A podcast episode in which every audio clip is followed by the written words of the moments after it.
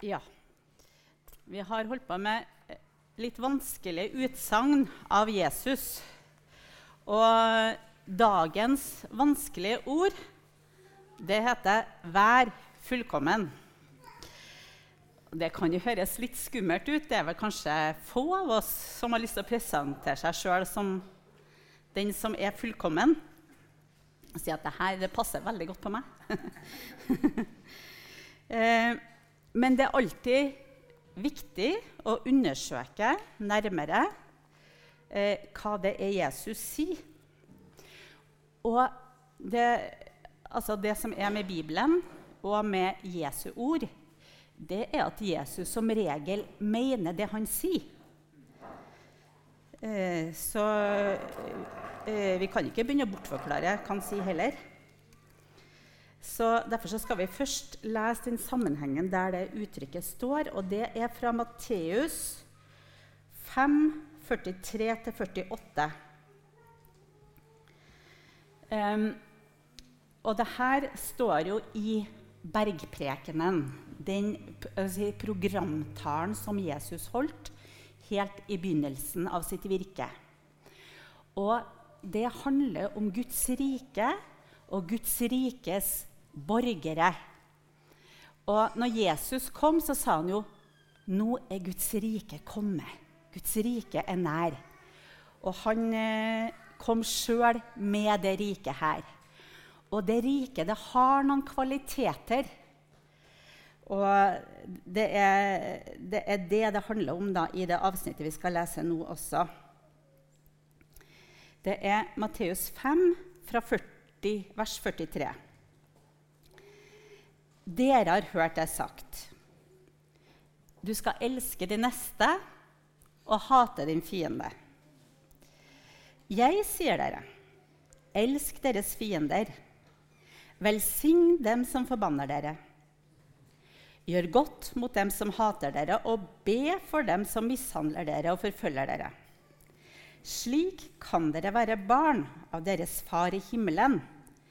For han lar sin sol gå opp over onde og gode, og lar det regne over rettferdige og urettferdige. Om dere elsker dem som elsker dere, er det noe å lønne dere for? Gjør ikke tollerne det samme? Og om dere hilser vennlig på deres egne, er det noe storartet? Gjør ikke hedningene det samme? Vær da fullkomne, slik deres himmelske Far er fullkommen. Her handler det om å ligne på sin far, å være barn av vår far. Da må jeg først si én ting her. Dette handler ikke om å bli Guds barn eller bli født på ny. For det blir vi ved å tro på Jesus og ta imot Jesus. Sånn at han er frelseren. Det han har gjort, det er nok for vår frelse. Eh, det, og det står Ja. Og så er det eh, det her utsagnet Du skal elske din neste og hate din fiende. Altså, Noen ganger er det som vi skulle ha sagt det sjøl. Eh, og noen tror at ja, det her står sikkert i Det gamle testamentet, for det var jo sånn veldig strengt og lovisk og sånn. Men nei. Det står ikke i Det gamle testamentet. Det står ikke i Bibelen du skal elske din neste og hate din fiende. Bortsett fra det sitatet her av Jesus som sier dere har hørt det er sagt. Men det det står i Det gamle testamentet, i Mosebøkene, Moseloven, så står det du skal ikke ta hevn og ikke bære nag til landsmennene dine, men du skal elske din neste som deg selv. Jeg er Herren. Og når en innflytter bor i landet hos dere, skal dere ikke gjøre urett mot ham. Innflytteren som bor hos dere, skal være som en av deres egne landsmenn. Du skal elske ham som deg selv, for dere har selv vært innflyttere i Egypt. Jeg er Herren, deres Gud. Så Det gamle testamentet sier at du skal elske de neste som deg selv, og til og med innflytterne og de fremmede skal du elske og behandle med godhet. Så hvor fikk de det her fra? Du skal elske din neste og hate din fiende. Jo, det var det noen rabbinere som hadde lagt til for egen regning. For de syntes det der passa veldig godt. Så um, da tenkte de mm -hmm, vi kan elske vår neste, men vi kan hate vår fiende. Det går bra. Men ikke GT, ikke jødedommen for øvrig, står for det utsagnet der. Men det er jo litt snublende nær oss mennesker å tenke sånn at ja, det er noe fint med våre nærmeste, liksom, men alle de andre her, det er mer krevende. Um, så jeg kan godt tillate meg å ikke like dem så godt, og kanskje til og med hate dem litt. Uh, men Jesus har en annen standard for sine etterfølgere. Uh, altså, det er ikke noe vanskelig for meg å være glad i Arve, barna mine, barnebarna mine, vennene mine. No problem, liksom. Jeg er veldig glad i dem og har gode følelser for dem. Men det er noen folk som ikke er så enkle å være sammen med. Og da blir det litt mer utfordrende eh, å elske dem. Og det kommer ikke helt naturlig. Eh, det er en forfatter som heter Gary Chapman, han som har skrevet de her bøkene om de fem kjærlighetsspråk. Eh, han kommer med et veldig bra utsagn. Han snakker om å velge kjærlighetens vei. Det er et veldig bra uttrykk. Og han sier det. Eh, hvis du påstår å ha følelser som du ikke har, da er det hykleri. Ikke sant? 'Å, jeg er så glad i deg og føler så bra for deg.' Hvis, du, hvis det ikke er sant, så er jo det hyklersk. Men hvis du gjør en kjærlighetshandling som er ment å glede den andre, så er det ganske enkelt et valg. Så det er ikke sikkert at vi har sånne varme følelser overfor folk som, um, som irriterer oss. Men vi kan velge å være gode mot dem og gjøre gode handlinger mot dem. Et valg, rett og slett. Det var en sykehusprest som sa eh, Han fortalte at um, det var enkelte, nei, enkelte pasienter han òg syntes var litt ufordragelig. Alle, alle slags folk kommer på sykehuset. sant? Og da brukte han å gjøre sånn. Han stoppa foran døra, og så sa han, 'Kjære Gud, denne pasienten syns jeg er litt ufordragelig.' 'Men nå skal jeg inn og gjøre en tjeneste for deg.' Og så gikk han inn til pasienten. Vi kan ikke velge våre følelser, men vi kan velge handlinger. Og Derfor sier Jesus, 'Velsign'. Gjør godt. Be for dem som det er utfordrende å like. Velsign. Gjør godt. Be for. Det kan vi velge. Uh, og da er vi barn av vår far i himmelen. Da ligner vi på faren vår. Og det er jo eh, ganske naturlig det at Barn ligner på sine foreldre. Både utseende, holdninger, væremåter. De kan plukke opp ganske mye. Så arv og miljø det er jo veldig sterke påvirkningsfaktorer i livet vårt. Eh, jeg har en litt artig historie fra Thomas-skolen. Eh, mange av dere kjenner jo en som heter Olav Vik. Det var han som eh, tok initiativet og var med og bygde opp kirka her. Han var primus motor eh, for å legge stein på stein, sånn at det ble et kirkebygg her. Og han var en veldig artig fyr og stort engasjement for mange ting. Og blant annet så var han veldig opptatt av utviklingslæren og det å vise dens svakheter, og hvor fornuftig det var å tro på en skaper som har satt alt i gang. Og han brukte også å skrive i avisa da, om eh, utviklingslæra. Da ble det ofte en sånn ordveksling. Liksom, han skrev, så fikk han svar, og så skrev han og fikk svar. Så runde på runde med eh, avisartiklene til Olav Vik. Og I mange år så jobba jeg sammen med Anne Berit, dattera hans, på Thomas-skolen. Eh, veldig frisk og festlig dame. Og så forteller hun en dag da, at nei, vet du, jeg, jeg holder på å bli så lik en pappa. Og jeg tok meg sjøl i det sa at jeg satte meg ned for å begynne å skrive et innlegg i Adresseavisa. Og da tenkte jeg nei, nå må jeg stoppe.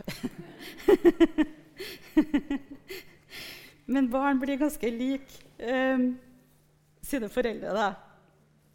Og um, hvis vi velger denne, de her kjærlighetshandlingene, eller raushetshandlingene, så blir vi faktisk lik vår himmelske far, som er raus mot alle. Vi skal ligne på vår himmelske far. Og så skal vi si litt mer om dette ordet 'fullkommen', for det er faktisk litt skremmende. Men når det er snakk om fullkommen her, så eh, handler det om Guds rike og borgerne i Guds rike, som jeg nevnte tidligere. Eh, og Guds rike det har noen kjennetegn. Altså Guds rike det er jo der hvor Guds vilje skjer. La ditt rike komme, la din vilje skje. Og Gud, han er kjærlighet. Og derfor så preger kjærlighet Guds rike. Eh, og altså Gud han elsker sine fiender. Det står at Kristus døde for oss mens vi enda var syndere. Altså Før vi hadde gjort en god gjerning, vi hadde bare gjort synd, så utrakte Gud sin kjærlighet til oss ved at han ga sin sønn og frelste oss. Eh, men så er det spørsmålet for oss, da. Vi sa jo det er ikke helt naturlig. Er det mulig å bli fullkommen? Paulus han sier jo i Romerne 7.: Det gode jeg vil gjøre, det gjør jeg ikke. Men det onde som jeg ikke vil, det gjør jeg. Og det her kan vi kjenne oss igjen i noen ganger, alle sammen. Så hva mener Jesus da? Vi skal lese fra første kor 130, eh, som gir oss et svar her.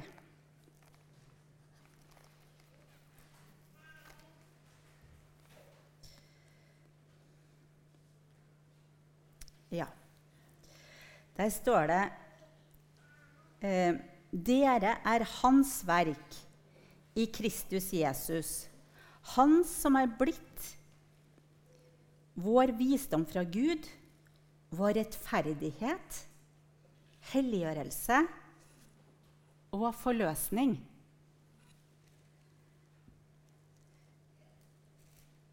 Gud vet at vi ikke er så veldig vis, som vi i hvert fall trenger å være. Men derfor så har Jesus blitt vår visdom står det her. Og Gud vet at vi ikke kan rettferdiggjøre oss sjøl.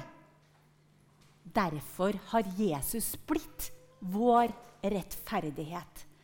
Hans rettferdighet ble vår når han døde på korset. Han vet at vi ikke kan forløse oss sjøl, men Kristus er blitt vår forløsning. Og Gud vet at vi ikke kan helliggjøre oss sjøl heller men han er blitt vår helliggjørelse. Så i Kristus så har vi hellighet. Det er helt fantastisk. Vi har rettferdighet, vi har visdom. Eh, vi kan lese fra eh, første kor, kapittel 1 også, vers 1-3. Der står det Dere som er helliget i Kristus Jesus her står det 'perfektum', en avslutta handling i fortid. Dere er helliget. Um, og hvis vi tenker på Korintmenigheten, hvis vi har lest første korinterbrev, så ser vi at her var det litt av hvert som foregikk. Um, det var strid, splid, blodskam, hor, rettssaker mellom brødre og misbruk av nådegavene. Og enda så sier eh, så sier Paulus dere er helliggjort. Altså, det er noe som skjer når vi tar imot Jesus. Da får vi Jesu hellighet. Og det står at vårt liv det er skjult med Kristus i Gud. Altså Det er noe som dekker oss, og det er Jesus. Så i Jesus så har vi rettferdighet, så har vi hellighet. Og når Gud ser på meg, eh, så ser han ikke eh, hun som ikke får det til, og som gjør mange dumme ting og sier mange dumme ting, men han ser Jesus. Han ser Jesu rettferdighet, Jesu hellighet.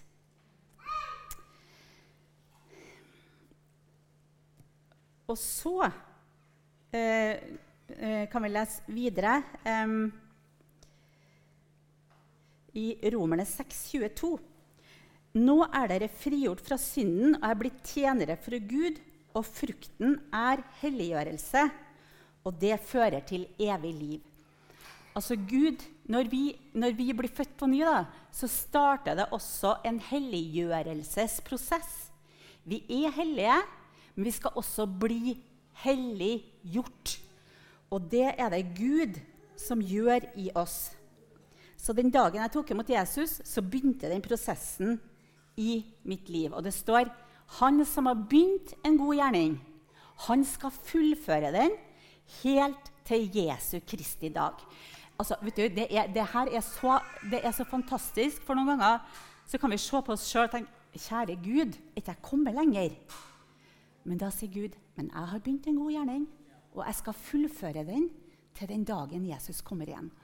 Og vi kan se på folk rundt oss og tenke nei, hvordan skal det gå med hun da? Jo, Gud har begynt en god gjerning, og han skal fullføre den helt til Jesu Kristi dag. Det er han som er produsenten av hellighet. Eh, og det her det skjer i fellesskapet med Jesus. Det er det som gjør at vi forandres og forvandles. Eh, for meg altså Nesten alt i det kristne livet det koker ned til det her. Fellesskap med Jesus, vennskap med Jesus. Å, være i hans nærhet og kommunisere med han, lytte til han, be til han, lyde han.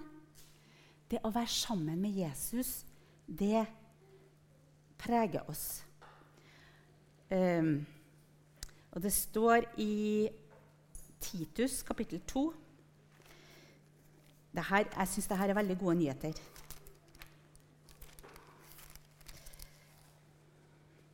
Eh, to. Vers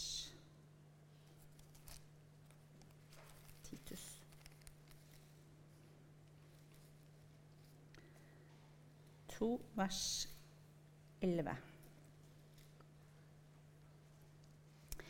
For Guds nåde er blitt åpenbart til frelse for alle mennesker. Guds nåde. Den oppdrar oss til å si nei til et ugudelig liv og vesle lyster, og leve forstandig, rettskaffent og gudfryktig i den verden som nå er mens vi venter på vårt salige håp, at vår store Gud og Frelser, Kristus Jesus, skal komme i herlighet. Det er noe som er virksomt her, og det er Guds nåde som arbeider i oss. Som eh, oppdrar oss, står det, til å si nei til et ugudelig liv og vesle lyster. Eh, og der tenker jeg, fordi det er mange ting som kan dra på oss. Eh, det kan være materialisme, det kan være makt, det kan være innflytelse, ulovlig sex, snyte på skatten, eh, og det kan være rus og alkohol. Altså det er mange ting. Eh, og det er noen ting som ikke er så veldig stor fristelse for meg, men det kan være andre ting som det er der djevelen prøver å huke, eh, huke tak i meg. Men da står det at Guds nåde den jobber i meg til å si nei til det som vil dra meg bort. Og så hjelper han oss til å leve forstandig, rettskaffent og gudfryktig i den verden som nå er. Mens vi venter på vårt salige håp, nemlig at Jesus Kristus skal komme i herlighet. Altså, vi er, vi er på en sånn vandring sammen med Jesus fra den dagen vi tok imot han, og til den dagen han kommer igjen. Og i det fellesskapet med Jesus så forandres og forvandles vi. Um, uh, Winston Churchill han sa To improve is to change. So to be perfect is to have changed often. Altså å bli bedre, det betyr å forandre seg. Og hvis vi vil bli perfekt, så må vi forandres ofte. Og oversatt til vår sammenheng, da, så er det vandre eh, Når vi vandrer med Jesus, så skjer det en positiv forandring. Og når vi er mye sammen med Han, så får Han gjøre oss mer hellig, mer fullkommen på veien. Og være ofte sammen med Jesus. Det er det vi velger når vi kommer sammen her, når vi er i husgruppe, når vi leser Guds ord hjemme, når vi ber hjemme, når vi samtaler med Jesus. Da forandres vi. Og Da skal jeg avslutte med det som står i 1. Johannes 3, 1-3. Der står det Se hvor stor kjærlighet Faderen har vist oss, at vi skal kalles Guds barn. Og det er vi. Derfor kjenner verden ikke oss, fordi den ikke kjenner ham.